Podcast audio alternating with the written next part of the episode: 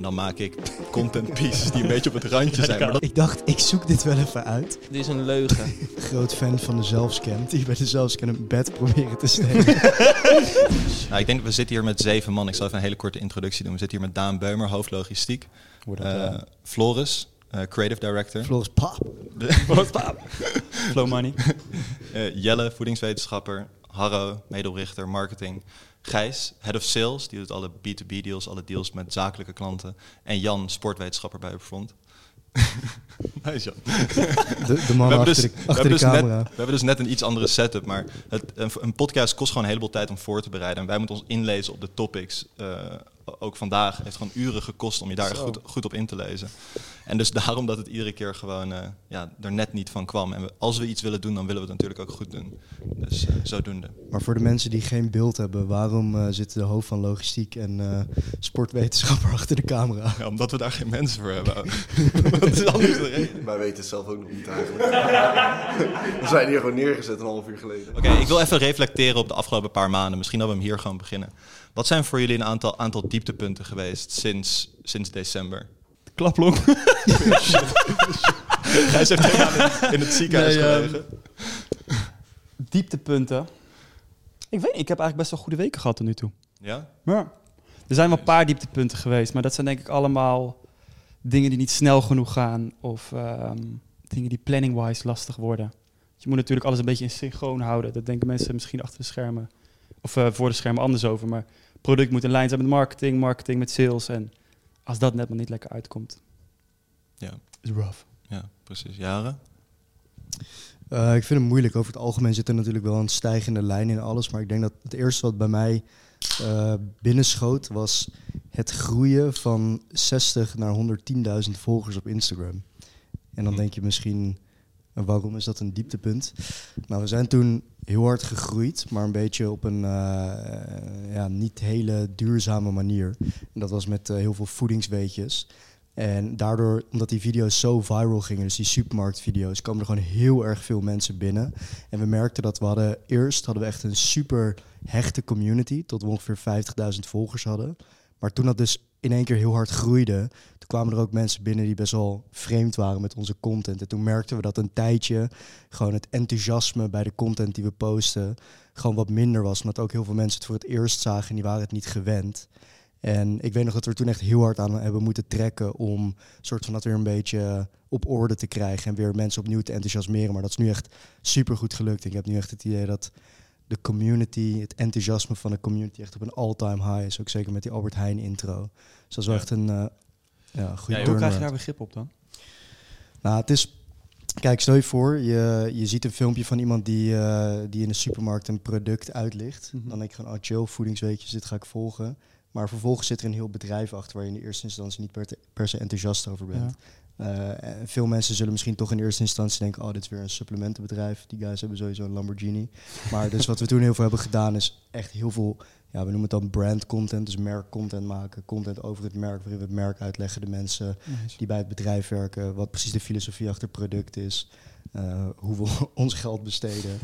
Het waren, ook veel, het, wa- het waren ook veel zeg maar, loyale volgers die ons letterlijk berichten met... ik voel dat het geheim van Upfront is ontdekt door de rest van de wereld... en nu ben ik niet meer zo enthousiast. Ja. En dat soort berichten is echt fucking pijnlijk voor Harro en mij Ja. om te lezen. Want die mensen volgen ons al drie jaar. En dus ook, ook voor dat soort mensen moeten we na blijven denken van... oké, hoe zorgen we dat we die mensen enthousiast houden en mee blijven nemen in het verhaal. Want ja, je kent het zelf ook wel. Als eenmaal de rest van de wereld erachter is, achter jouw kleine geheim... dan is het ineens niet meer zo meer spannend. cool. Nee. Dus- Ja, en ik denk ook dat eh, wat we juist hebben gedaan, wat de andere bedrijven niet doen, is op het moment dat je heel erg groeit in volgers, gaan bedrijven juist meer formeel praten. En wij zijn juist informeler gegaan. Dus gewoon nog meer echt vanuit een persoon communiceren. En we merken dat dat ook supergoed heeft gewer eh, ja, gewerkt. Nee, nice. het verbreken van verwachting. Iedereen verwacht als een bedrijf groter wordt dat het dus formeler wordt. Als het informeler wordt, dan zullen denk ik een heleboel mensen zitten van... wauw, dit had ik niet verwacht, dit overtreft de verwachtingen. Dus ja, we proberen gewoon onszelf te blijven. En dat is denk ik het belangrijkste. Ehm, mijn dieptepunt zijn de Oatly en de, ehm, de hormoonbalans piece die ik heb gemaakt en online gepost. Want dat, heeft dus, dat sluit heel erg aan bij Harris een punt. We krijgen er eerst 50.000 volgers bij. En dan maak ik content pieces die een beetje op het randje zijn. Maar dat trekt gewoon een volk aan gekkies aan. Wat ik echt waar ik nog nooit eerder soort van mee ben geconfronteerd. En Nou ja, Harro kan er misschien iets meer over vertellen, maar de comments die onder die post kwamen te staan, ik zat echt van, jezus, we zijn echt, we're in way too deep, weet Ja, je wel. Want eerst hadden we gewoon die volgers best wel onder controle. Dus ook de mensen die die post zien. Maar we waren echt geëxplodeerd in die volgers. En er er reageerden echt mensen op. Ging ik even naar dat profiel. En dan zag ik meteen bij hun thuis zo'n post. Dan hadden ze zo'n foto, een nieuwe poster. Dan in hun woonkamer hing zo'n poster met Sigrid Kaag met zo'n pik erop.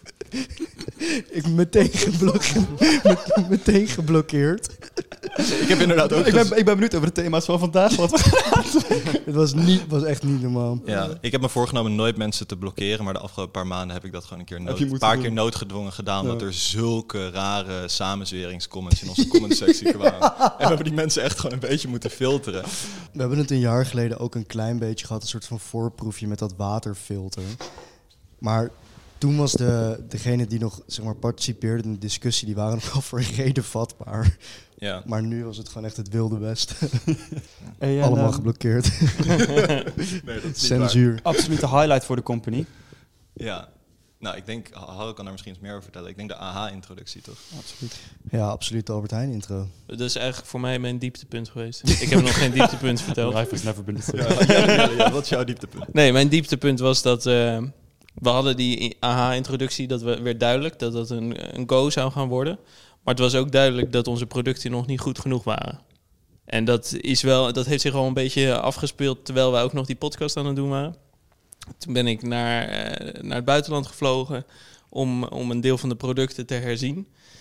En ik denk dat dat niet zozeer het dieptepunt was. Ik dacht van oké, dat daar, daar doen we het voor. Mijn dieptepunt was dat dat 5.0 is. En dat we nu al bezig zijn geweest, nog geen drie maanden daarna. Na de, nou, wat zeg ik, nog geen maand na de introductie, dat we al met 6.0 bezig zijn.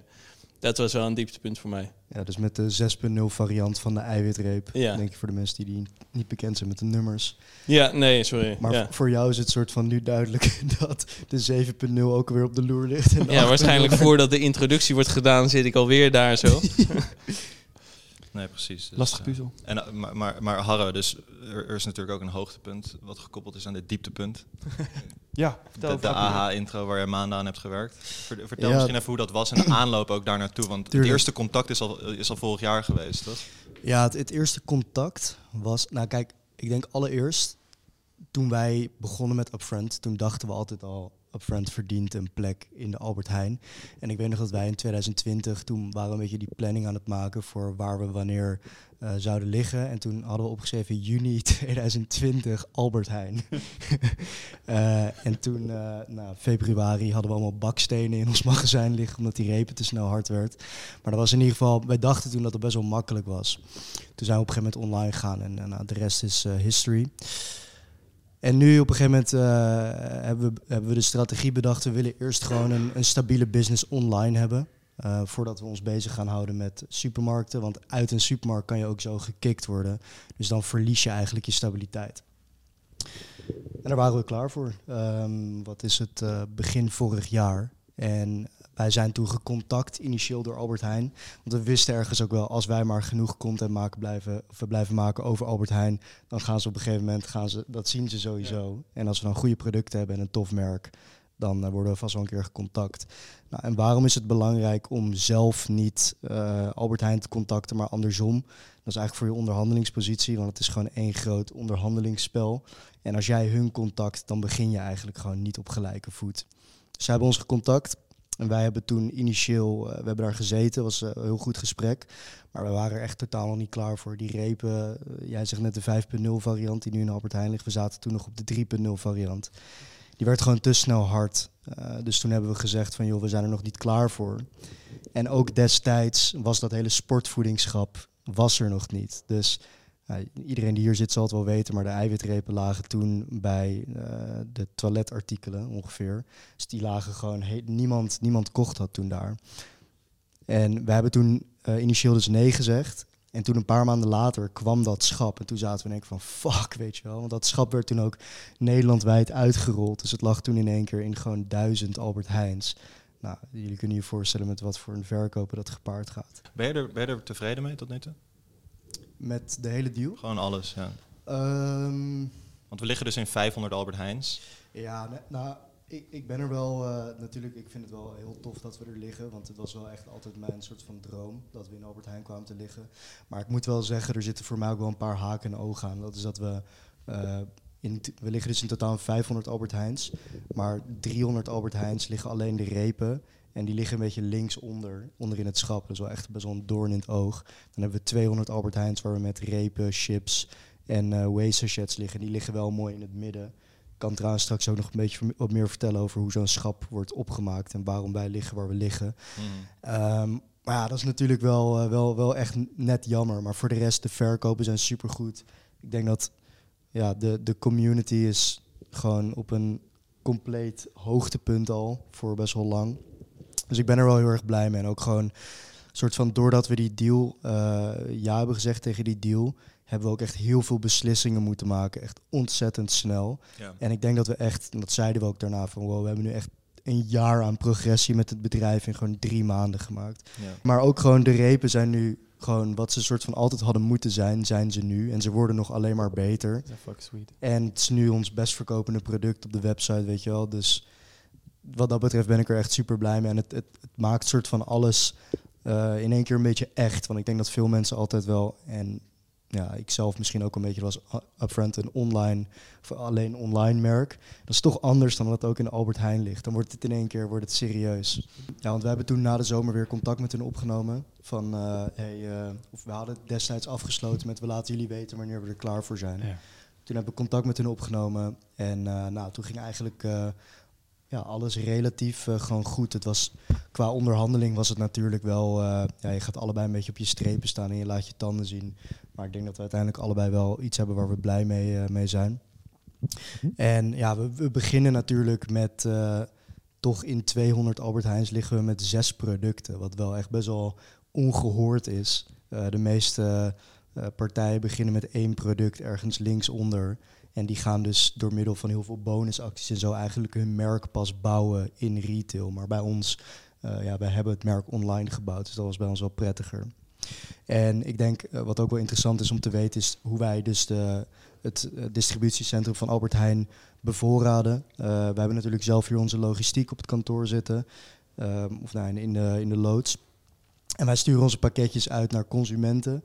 Maar omdat eh, ja, de bevoorrading van zo'n distributiecentrum is vooral pallet schuiven. En wij zijn nog geen partij die eh wiens expertise ligt bij het schuiven van doen zijn, man. 500 van die DC's gaan toesturen. Ja, want wij sturen... Nou, de- je hebt Ja, maar een 500 paar grote DC's hoor. Maar we hebben al een paar pallets uitgeleverd naar Sligro en, en, en Lekkerland en zo, waar, waar flink bij aangesloten is. Nou, Ja. dat is al echt meerdere keren flink fout gegaan. Eh, dus er zit een partij Ja. tussen ons en Albert Heijn. Eh, en die partij, daar leveren wij als het ware onze pallets vanuit de leverancier bij aan. En die stuurt dan eh, alle producten naar het distributiecentrum. En vanuit het distributiecentrum worden winkels individueel bevoorraad.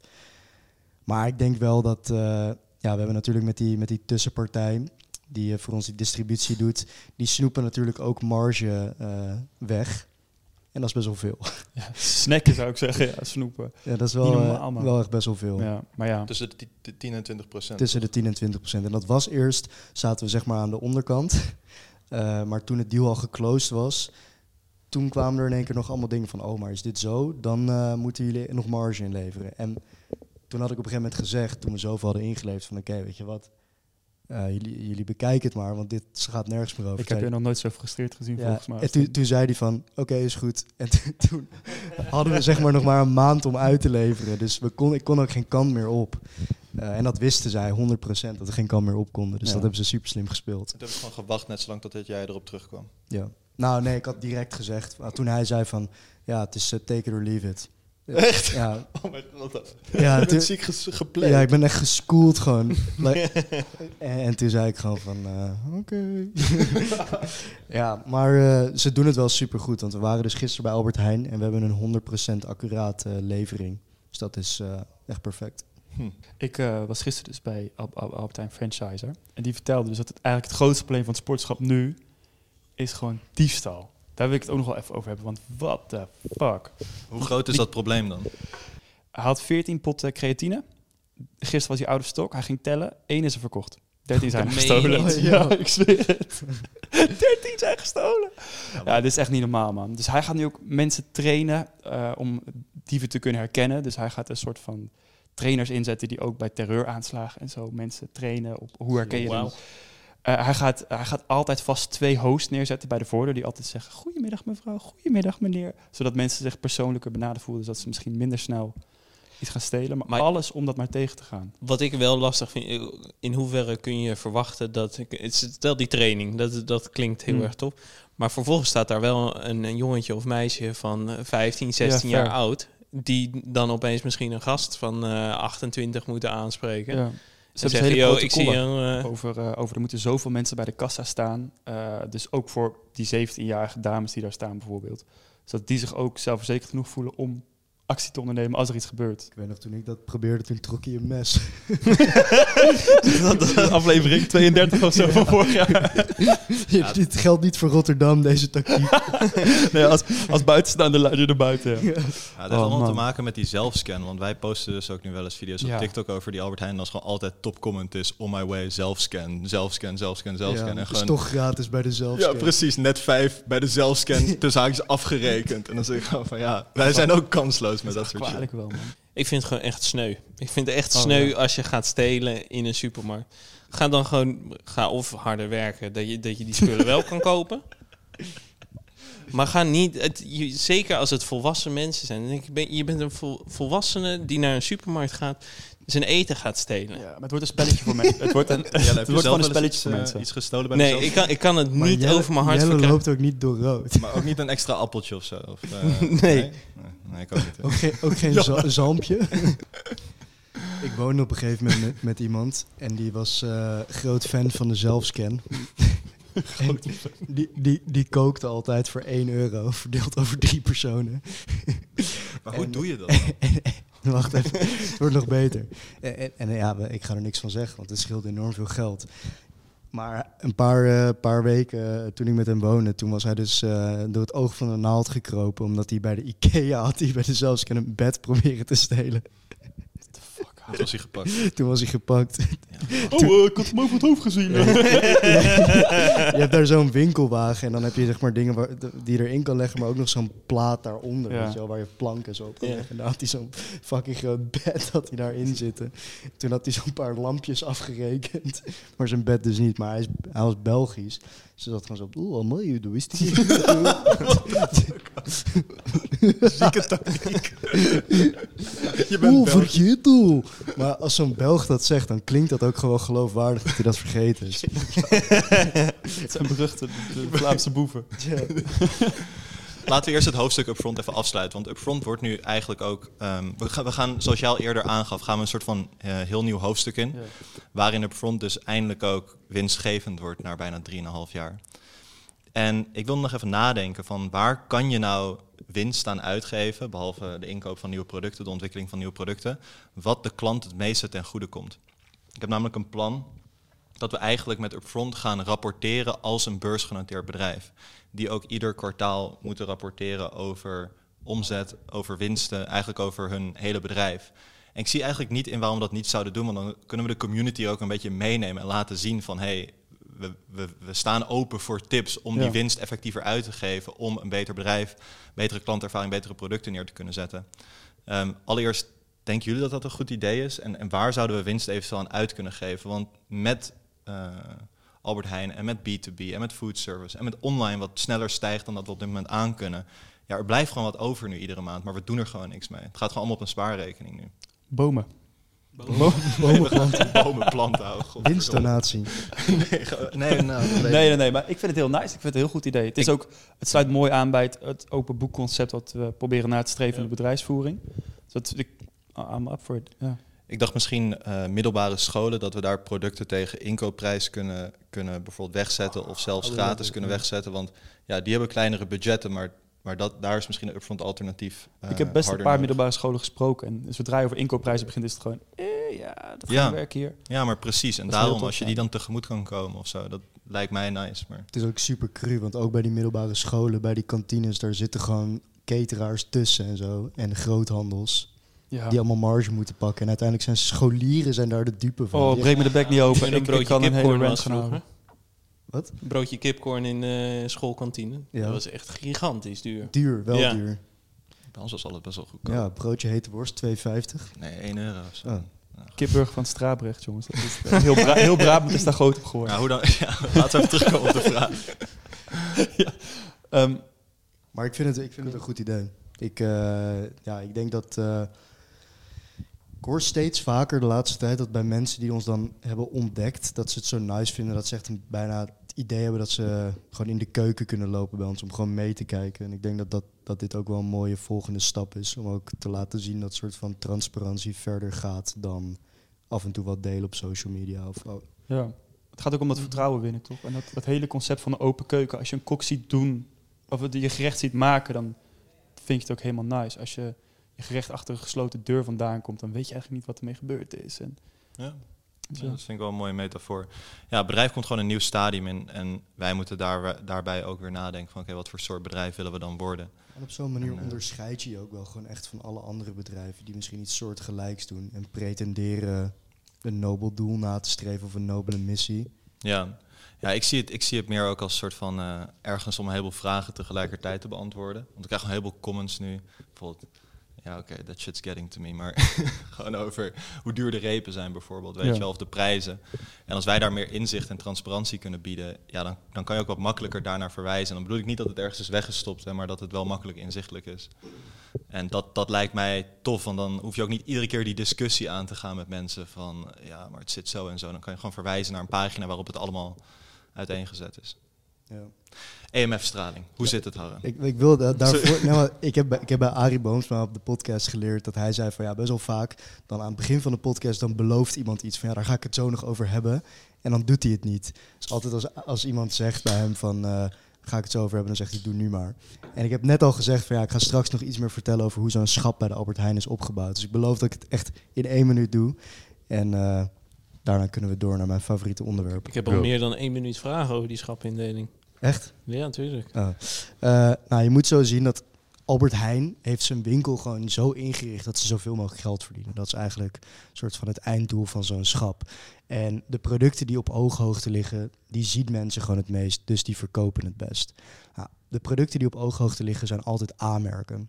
En waarom zijn dat aanmerken? Omdat ze daar gewoon by far de meeste marge op maken. Je ziet wel vaak dat Albert Heijn huismerkproducten liggen onderop in het schap en die zijn wat goedkoper, vaak veel goedkoper. En daar maken ze minder marge op.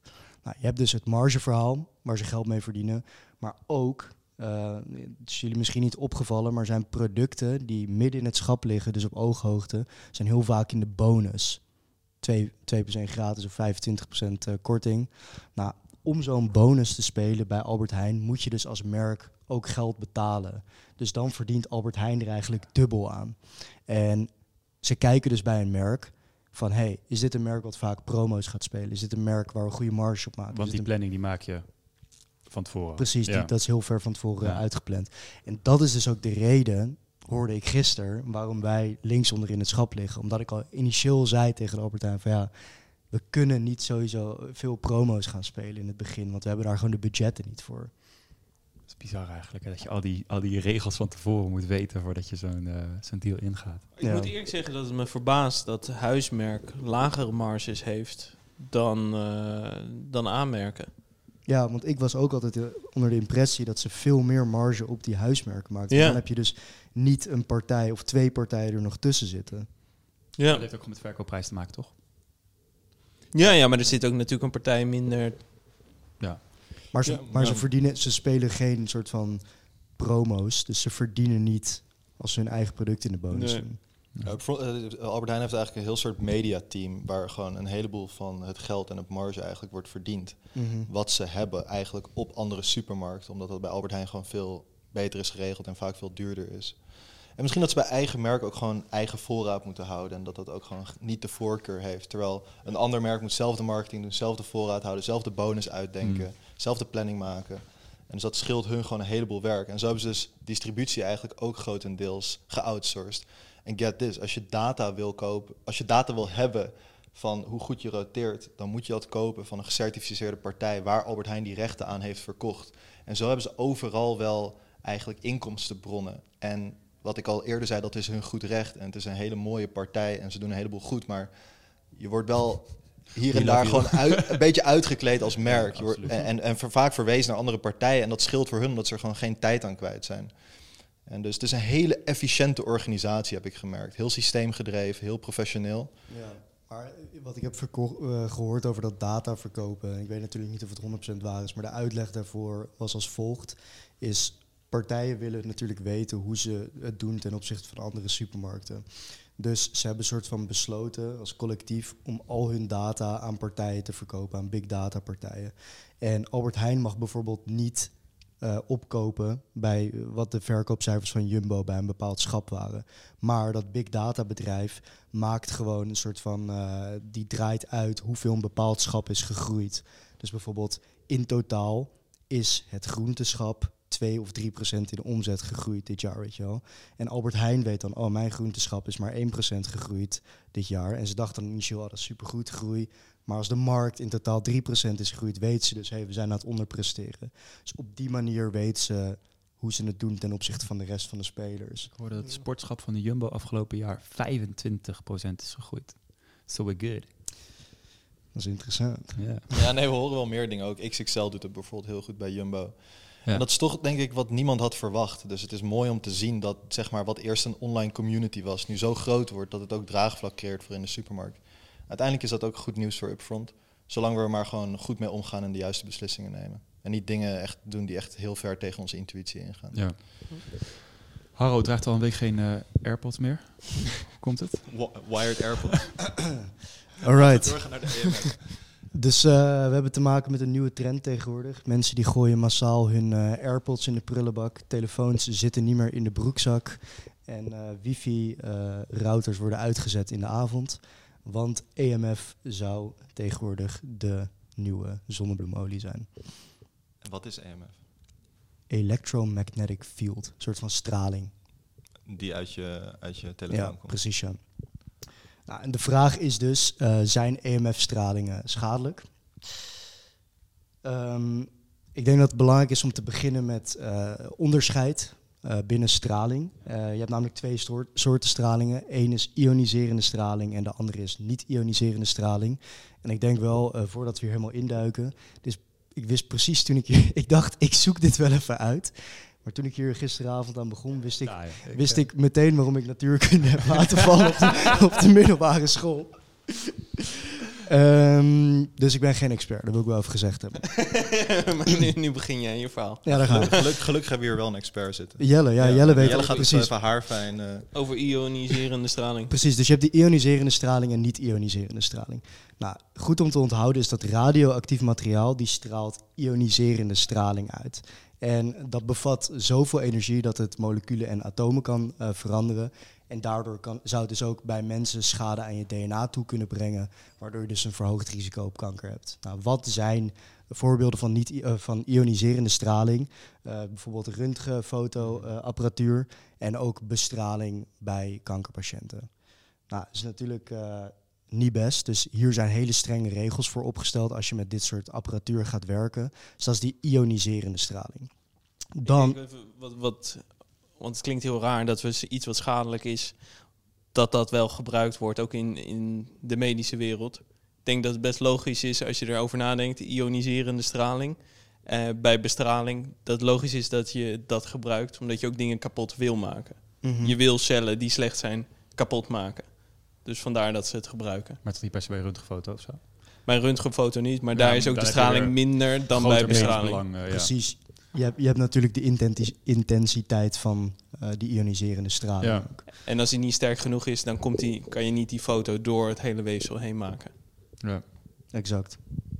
Ehm, nou, dan heb je dus verder ook nog die niet-ioniserende straling. En dat is straling die eh, niet sterk genoeg is om deze atomen en moleculen te veranderen. En daarom ook niet schadelijk voor ons zou zijn. Nou, voorbeelden hiervan zijn dus de straling die uit wordt gezonden door je telefoon, eh, Bluetooth, wifi, maar ook bijvoorbeeld een, eh, een magnetron. Nou, eh, in theorie, hè, als je aan enorm veel van deze niet-ioniserende straling zou worden blootgesteld, dan zou je lichaam dus ook op kunnen warmen. Net zoals bij een magnetron gebeurt. Waarbij een magnetron eh, heb je dat er eh, niet-ioniserende straling als het ware in die magnetron wordt opgewekt, waardoor de watermoleculen in het voedsel heel hard beginnen te trillen en door die trillingen komt er warmte vrij.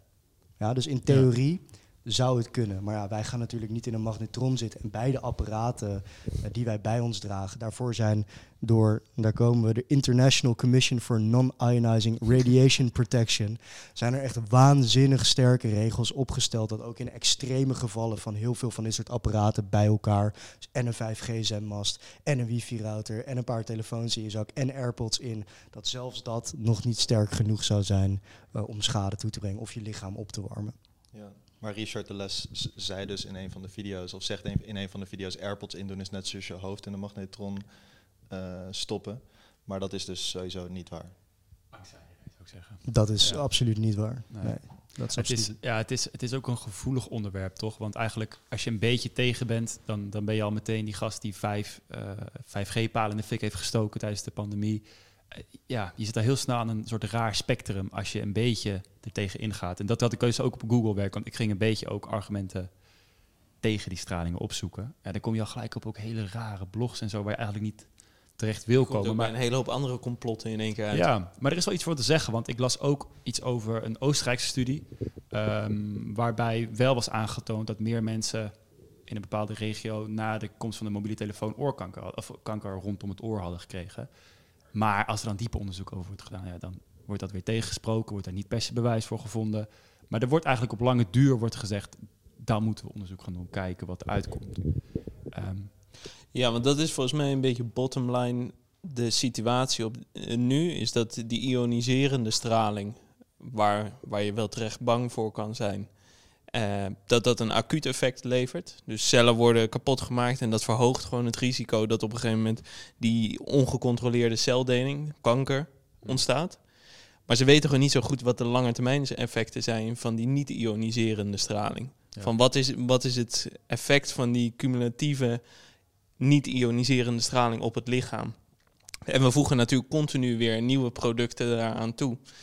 Ja, en dat, dat is best wel lastig om dat uit te zoeken.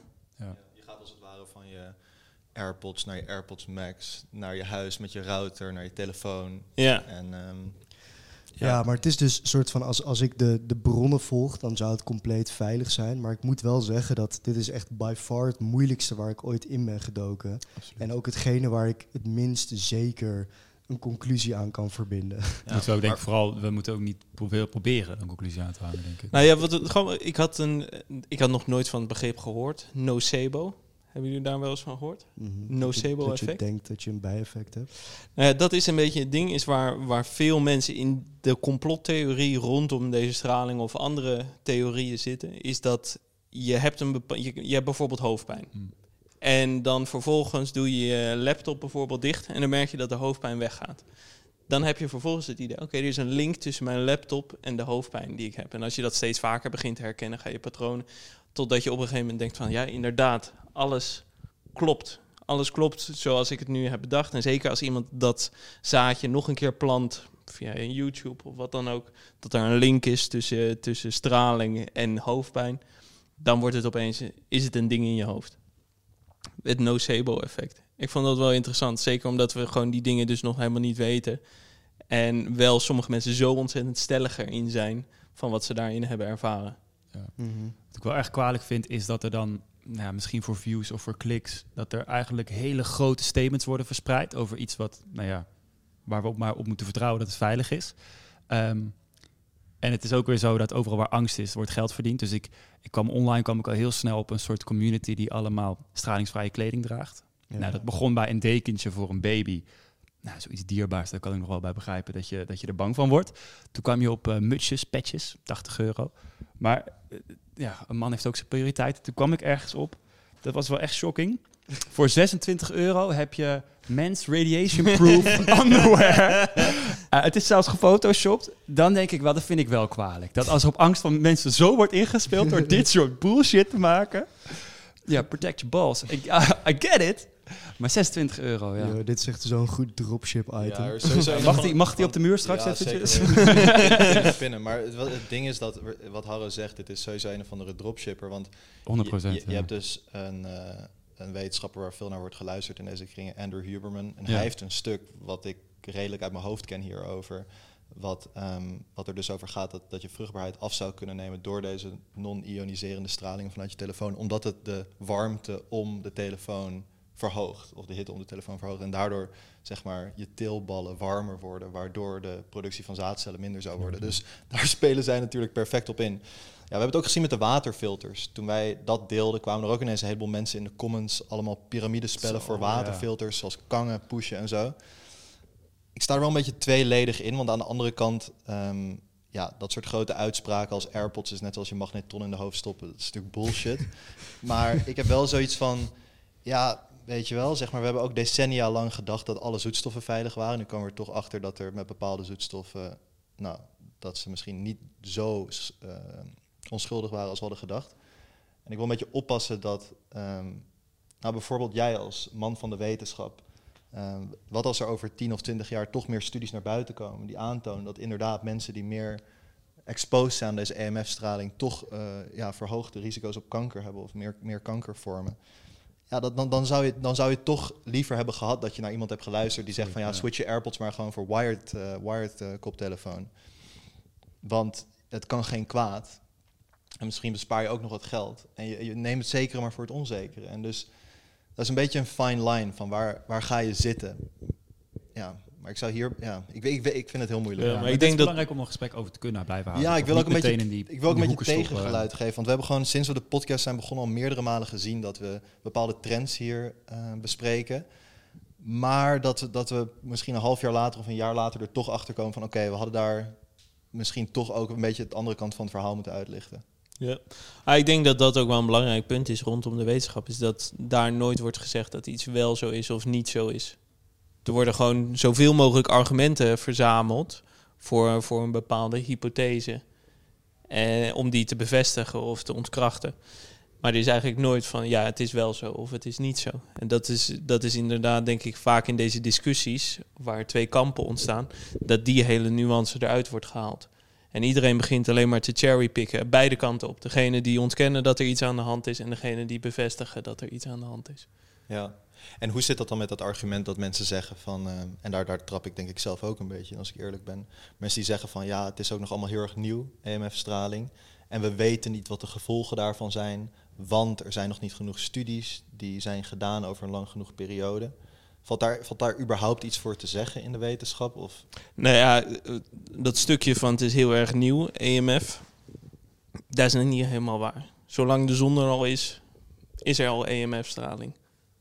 En zolang de aarde er is, is er ook EMF-straling.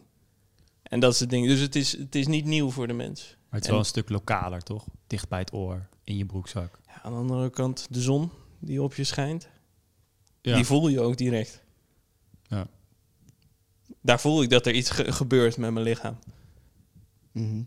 Ja, maar ja, goed. Het zijn ook wel nieuwe devices en zo, toch? Dus er is iets voor te zeggen dat het mogelijk zou Ja, ja, kunnen ja. zijn Nee, maar van dat ons lichaam niet gewend is aan, aan dergelijke stralingen. Ah, oké. Want bijvoorbeeld de zon, dat is ook een vorm van niet-ioniserende straling. Ja, ver- verschillende golven. Je hebt ook de ioniseren, want je, je weet ook dat je verbrandt onder de zon. Mhm. En die verbranding is gewoon het beschadigen van cellen Ja. door, die, eh, door je UVA of UVB. Enorm complex onderwerp. En ik denk dat, eh, want wat het bizarre is ook, dat ehm, alhoewel dus de conclusie of de consensus is dat het heel veilig is, zie je wel op de sites ook van de Rijksoverheid van Nederland dat ze zeggen, let er een beetje mee op. Ja. Ja, daar kreeg ik ook wel een beetje shivers van. Ja, dat ik wel zat van, eh, pro- probeer het eh, als het kan, ehm, Hmm. ontwijk het. Ja. nou, niet per se zo, maar het werd wel af en toe, er werd wel af en toe een beetje een, een side note bijgezet. ja, maar ik had wel het gevoel dat dat was op het moment dat je onder hoogspanningsmasten ging lopen of eh, zulke dingen. Zo, Niet dan zozeer voel, met Dan de voel je wel echt gewoon eventjes... Toch die 5G, hè? Maar dat, dat is dus een beetje wat ik heb. Dus dat je inderdaad, de, wat ik wel goed vind, dat de overheid dat zegt van oké, probeer, probeer niet in door te slaan. Mhm. Met, ga niet onder een hoogspanningsmast tussen twee 5G-palen eh, je ontbijtje zitten eten iedere dag. Maar ja, er zit natuurlijk nog wel een groot verschil tussen een hele woonwijk die via een paal stroom ontvangt. Ja. en jouw AirPods. Maar het ding is wel hier, zeg maar, als je het kan vermijden, dan mis je niks. Als je begrijpt wat ik bedoel. Ja. Wa- wat maakt het nou uit om je router uit te zetten in de avond? Het wordt er niet slechter van in ieder geval. Je hebt geen verbinding. Als je je telefoon, je telefoon in je rugzak doet, ook prima, weet je wel. Ja, Dus- Of eh, telefoon op eh, airplane mode. Dat, Ja. dat doe ik nu vaak om deze reden. Echt? Ja? Ja, natuurlijk. Dan heb ik mijn telefoon wel naast me liggen, maar dan leg ik hem op airplane mode. Ik zeg gewoon, ja, voor hetzelfde geld, weet je wel. Ja, nou, maar dat is natuurlijk wel je goed recht. Baat het niet, dan schaadt het niet. Toch? Ja, nee, maar precies. Zo zit ik, ook. ik zit er zelfs over na te denken om een, om een waterfilter te gaan kopen. ja, ik weet het. Ik zeg maar, het is, ik, word, ik ben zelf ook heel... Buy hem now. ik ben zelf ook heel beïnvloedbaar met dit soort dingen. Kangen.nl slash harro voor 10% korting. Laat, laten we doorgaan. Een ander onderwerp over water. Misschien dat we dat kunnen aanboren. Ik denk niet dat hier nu één conclusie aan te hangen valt. Maar dat we het gewoon om de, om de maand kunnen behandelen misschien. Voor mij was het wel, het is niet per se een conclusie, maar normaal is zijn onderwerp voor mij redelijk zwart-wit. En dit was de eerste keer dat ik echt zat van holy shit, ik weet nu gewoon niet echt goed Ja. wat ik straks moet gaan vertellen. Ik ga het gewoon Je zat er ook uiteenzetten. even doorheen net voor de podcast. Ja, ik heb wel even... Kleine inzinking. Eerst, eerste onderwerp. We hebben, wat is het, 43 afleveringen erop zitten. Die gingen allemaal relatief eh, gemakkelijk vergeleken met deze. Gisteren tot diep in de nacht zat ik op Reddit en allemaal gekkie voren aan zo. Ik kan gewoon onze eigen comment sectie hier. Nou, spe- speaking of water. eh, we kijken altijd naar vragen uit de community over bepaalde merken. Ehm, en zo bijvoorbeeld ook over, over AirUp, wat nu volgens mij echt een, echt een trend begint te worden. En Drie mensen op kantoor hebben fles. Ja, Ja. een heleboel mensen lopen er hier ook mee rond. Ik dacht twee, maar wie, wie heeft er allemaal een... eh, Misschien Cas, twee. twee. Anneleen en volgens mij En eh, Lucas Jillis ook. Maar eh, in ieder geval, zij zeggen ook dat een heleboel van hun schoolgenoten AirUp hebben. En het schijnt ook echt een ding te zijn nu, of een soort van haast een statussymbool onder de jeugd. ja. Ehm, nu weet ik dat ze vorig jaar 18 miljoen aan eh, omzet hebben gedraaid, maar ze groeien heel snel. Ehm, ik denk dat we hier ook een goede discussie over kunnen hebben, want AirUp claimt dus eigenlijk ehm, smaak aan water te kunnen geven via retronasale reuk, zoals ze het noemen. Hebben jullie het wel eens geprobeerd? En, eh, Ja. En, en het was voor mij eigenlijk maar heel kort, want ik heb na COVID, denk ik, ik was besmet geraakt, anderhalf jaar geen geur gehad. Mijn geur is nog steeds niet sterk. Ik proef niks. ik proef er gewoon helemaal niks van. Dus ja, het was voor mij heel snel uitgespeeld. Maar er zijn mensen die het heel nice vinden. En ik, ik las ook, de ene smaak is sterker dan de andere. Dus je hebt lemon, die schijnt erg goed te zijn. Cola wat minder. Ehm, Ja, ja. maar het is enorm populair. En, wat er wel cool is, het is dus een Duits bedrijf, maar ze hebben dus vorig, of dit jaar hebben ze een fabriek voor die pots geopend hier in Rotterdam. ja, dat kunnen we waarderen. Ja, we appreciate you. Ja. Meer, meer economische steun voor Rotterdam. Absoluut. Maar het is bizar toch, die, eh, deze hele Arab-rage. Als in, eh, ik, zag, eh, ik zag het vroeger wel eens reclames langskomen. Dacht ik altijd, welke idioot koopt dit nou? En nu eh, liggen ze gewoon in kantoor hier. Denk je welke idioot hebben op kantoor? nee, maar ik, ik, ik merk aan mezelf ook dat ik af en toe wel zit van... Oh, ik zou, zou misschien, wat, misschien wat chill zo, weet je wel. Ja, maar het is wel Ja, je beetje, wel hebt een beetje nog- creepy om aan zo'n fles van zo'n stagiaire. Jij hebt het nog niet geprobeerd. niks geks, man. nee, maar ik zat wel te denken gisteravond, maar ik was het nu vergeten. Van, ja, we zouden eigenlijk nu even zo'n ding rond moeten geven hier om even te proeven. Ja, we gaan het erover hebben, maar drie van ons hebben het nooit geprobeerd. Nee, ik, Nee. ik heb het ook wel eens geprobeerd. Ja. En? Eh, Onze smaakconnoisseur Jelle. nee, ja, ik, ik vond het wel grappig, maar er is ook een. Jullie hebben dat. Je kent, jullie kennen sowieso Spa, toch? Het merk Spa. Die hebben ook Spa Touch. En Spa Touch heeft eigenlijk hetzelfde als dat Air Up heeft. Het is koud best wel lekker, vind ik. Zo'n heel fris aromaatje zit erin. Ja, maar daar zit het aroma er eigenlijk in, in het water. En bij AirUp eh zit het niet in het water, maar zit het in de lucht. En dan... eh, Hm, maar dat aroma is dus zo sterk. Ja, kan je misschien gewoon uitleggen hoe het werkt? Want ze Ja. noemen het retro-nasale reuk, of die chick met die schelle stem uit die reclame zegt dat altijd. echt waar? Maar ik, ik, ik weet niet. Ik weet Volgens mij heeft ze dan ook nog fout. Dat het retronasale Ja, reuk nee, is. waarschijnlijk heb ik het fout.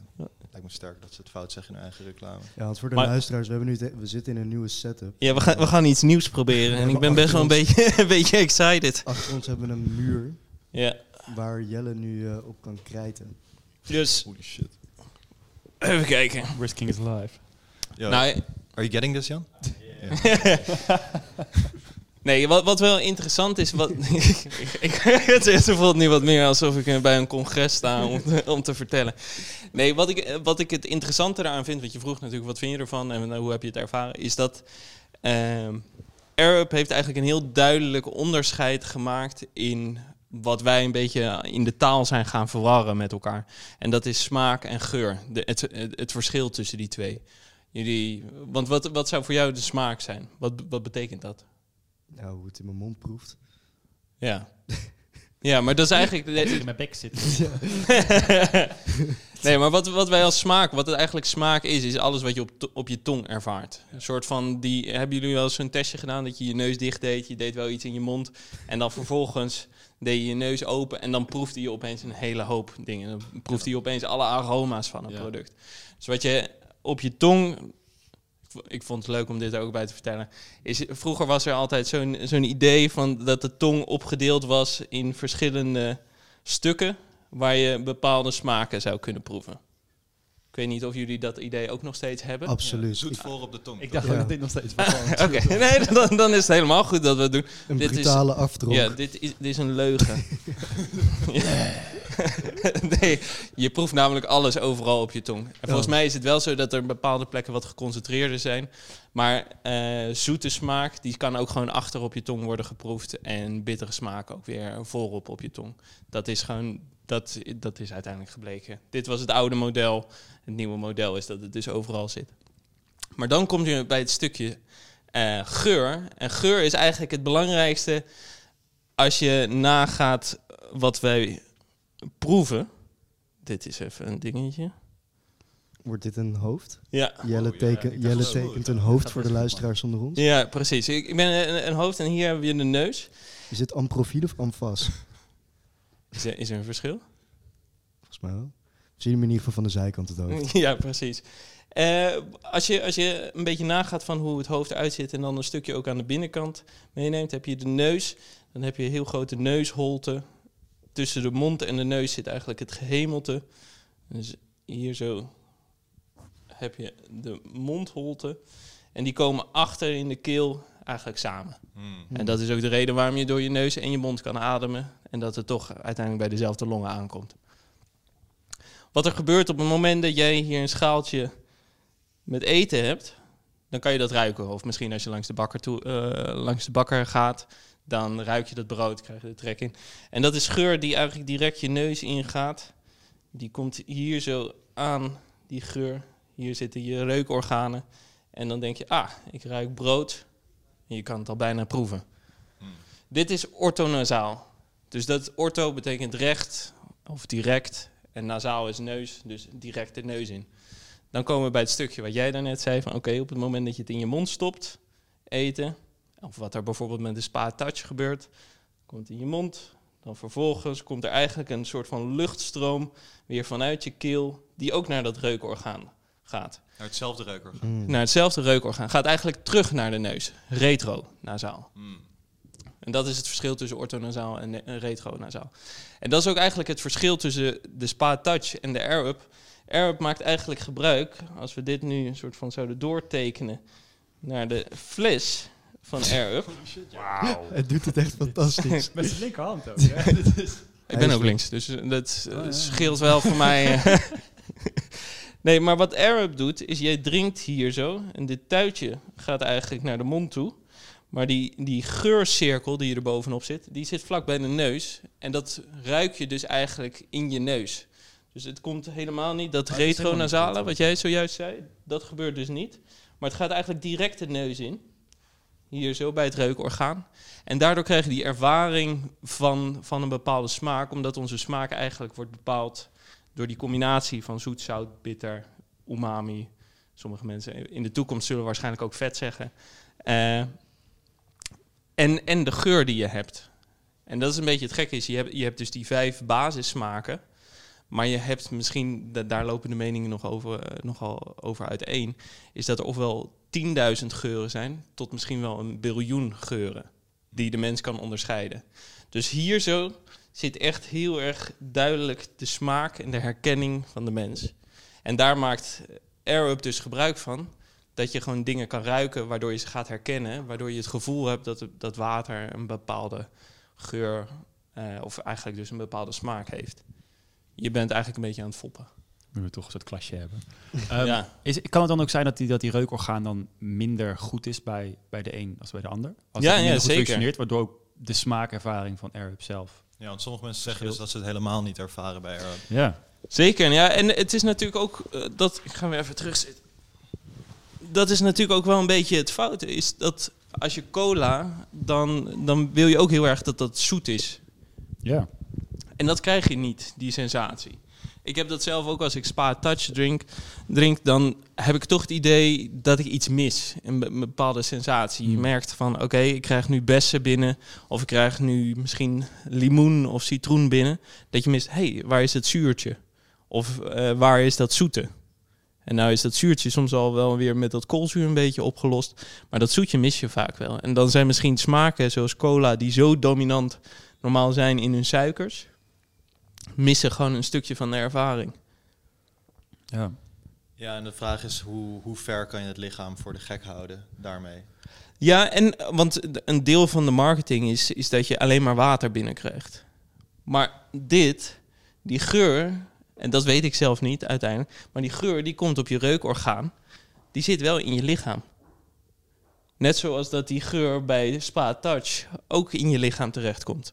En die komt ook in je maag terecht. Maar ik weet niet zo goed op het moment dat het op je reukorgaan heeft gebonden, wat er vervolgens mee gebeurt. Ja. Het is ook zo ironisch genoeg is dat eh, een van de eerste investeringsronden werd geleid door Pepsi van Arab. Echt waar? Ja. Niet. Ja. They're all in it. Zit er weer achter. Daar is hij weer. Reukorgaan te saboteren. Ja, maar dat is, daarom hebben ze ook de smaak cola uiteindelijk. Dus dit was, eh, dat is een van de Ah. projecten die ze toen hebben opgezet. Maar is het niet een heel positief ding dat vooral de jeugd op deze manier misschien veel meer water Ja, drinkt? absoluut. Gaat. don't know. Ik, ik, ik weet niet wat jij wilde zeggen. Nou ja, ik vind het aan de ene kant vind ik het wel weer goed. Aan de andere kant heb ik ook zoiets van... moeten we niet gewoon ook een beetje leren om water te drinken... en dat normaal te vinden? Mm. Ik heb namelijk even wat snelle... maar ik weet niet of dat nog mag... maar even wat snelle calculaties gedaan in prijs. Uiteraard. Het mag.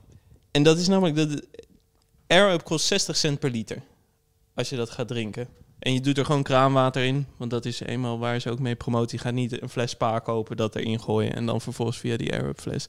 60 cent per liter om met een smaakje te drinken. Is best wel duur als je het vergelijkt met hoeveel kraanwater gewoon kost. Eh, wij hebben het er vorig jaar natuurlijk over gehad, over de prijzen van kraanwater. Die zijn wel omhoog gegaan, best wel flink ook. Bijna 20 cent tussen 2022 en 2023. Per liter? Eh, nee, 20 nee. cent per, per kubieke meter. Oh, ja. Dus per duizend liter. Wat ik best wel een hoop vond. Dan zou ik het op mijn rekening maar terug Dus dat is niet zoveel, toch?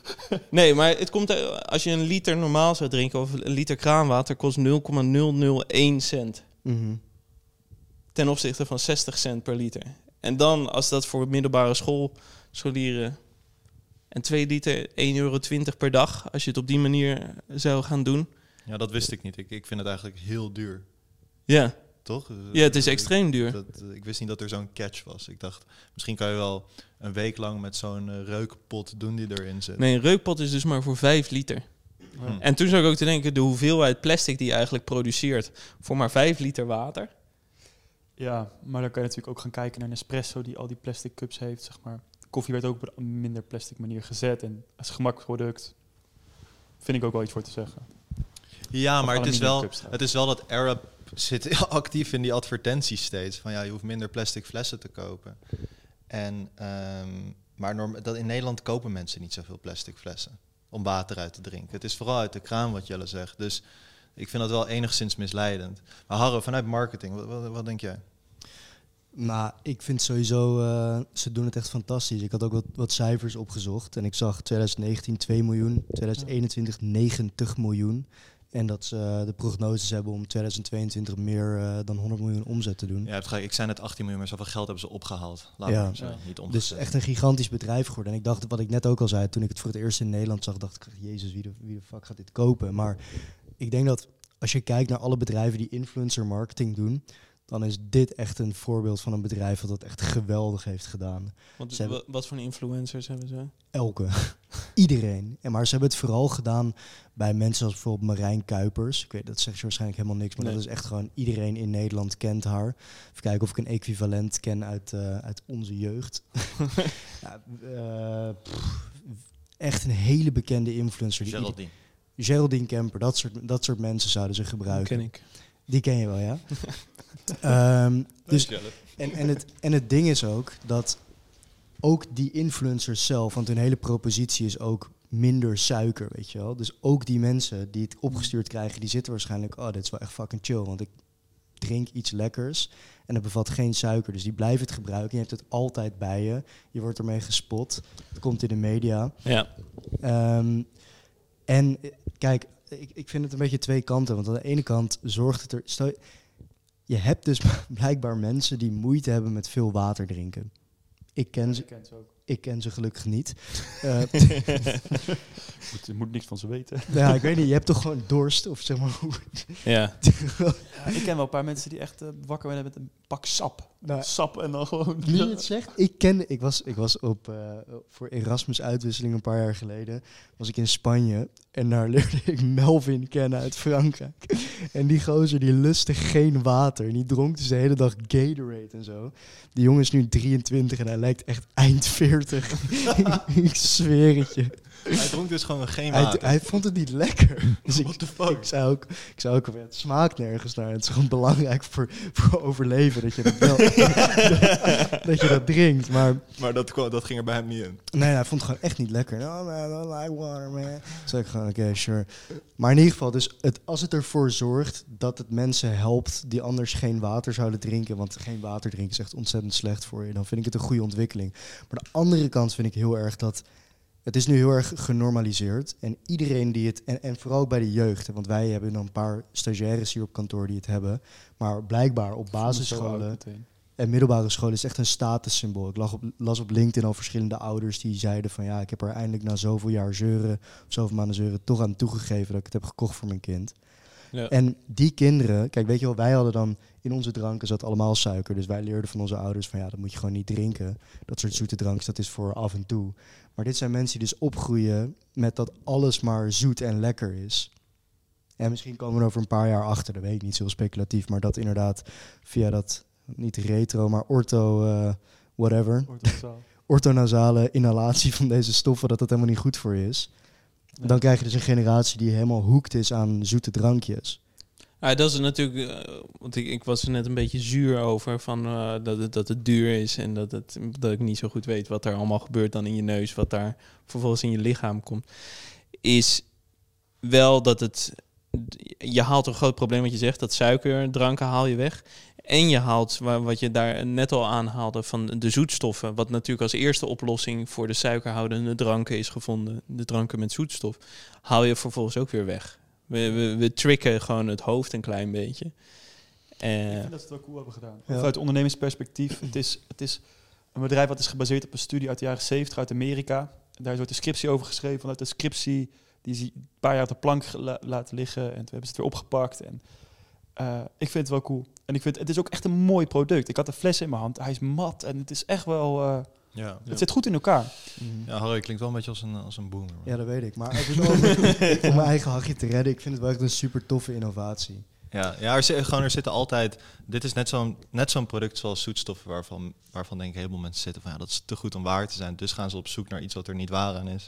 En ergens voel ik dat ook wel een beetje. En Misschien dat we dat de komende jaren zullen zien... dat er iets inderdaad niet helemaal klopt aan het product. Maar tot nu toe moet ik zeggen dat... Behalve de prijs, daar schrik ik wel een beetje van. Eh, ook nog één ding aan die marketing is trouwens... dat het heel viraal is. Ik zie altijd van die reactievideo's... van mensen die het voor het eerst drinken. En ze zeggen, "Wow, what the fuck? Ja, er zit helemaal niks in. Het is gewoon water wat je drinkt. En ik denk ook dat het op middelbare scholen zo gaat. Gewoon één iemand heeft gewoon zo'n fles bij zich.